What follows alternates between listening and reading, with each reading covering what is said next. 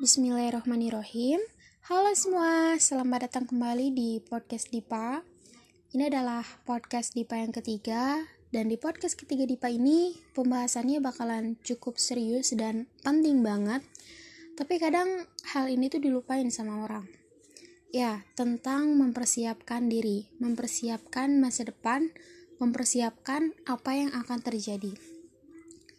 Yang namanya mempersiapkan berarti menunjukkan pada sesuatu yang bakalan terjadi. Maka dari itu, mempersiapkan diri adalah hal yang sangat-sangat penting. Dan menurut Tipa, untuk beradaptasi pada hal atau kondisi yang baru dalam artian belum pernah kita alamin, itu bukan hal yang mudah. Untuk oke okay pada segala kondisi itu cukup sulit. Maka perlu disiapkan dengan baik. Paham nggak?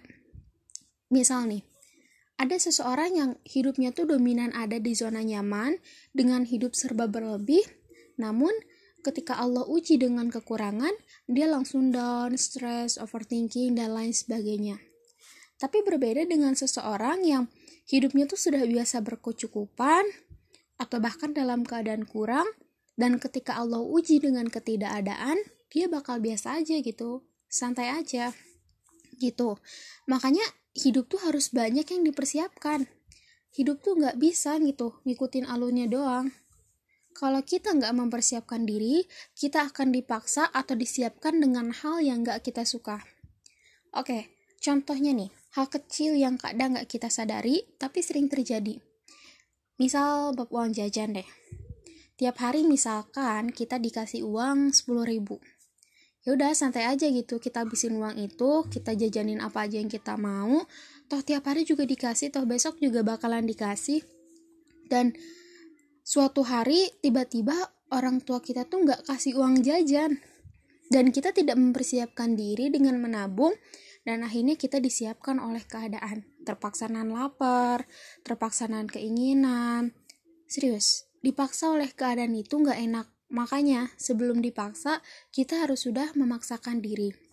Begitupun tentang masa depan, ketika kita sekarang, oke okay aku mau main aja, aku mau ngabisin waktu muda, menikmati masa muda.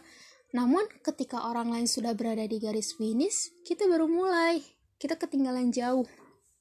Itu contoh-contohnya. Jadi, ada sesuatu yang mau dipaingetin, terutama buat anak muda dan anak muda wajib banget dengerin ini. Diri kita memang bisa lemah, tapi jangan sampai itu terjadi. Mungkin ada banyak hal yang bisa membuat kita lemah, entah itu masalah pendidikan, pertemanan, percintaan, kegagalan, dan lain sebagainya. Tapi jangan sampai kita menjadi anak muda yang lemah.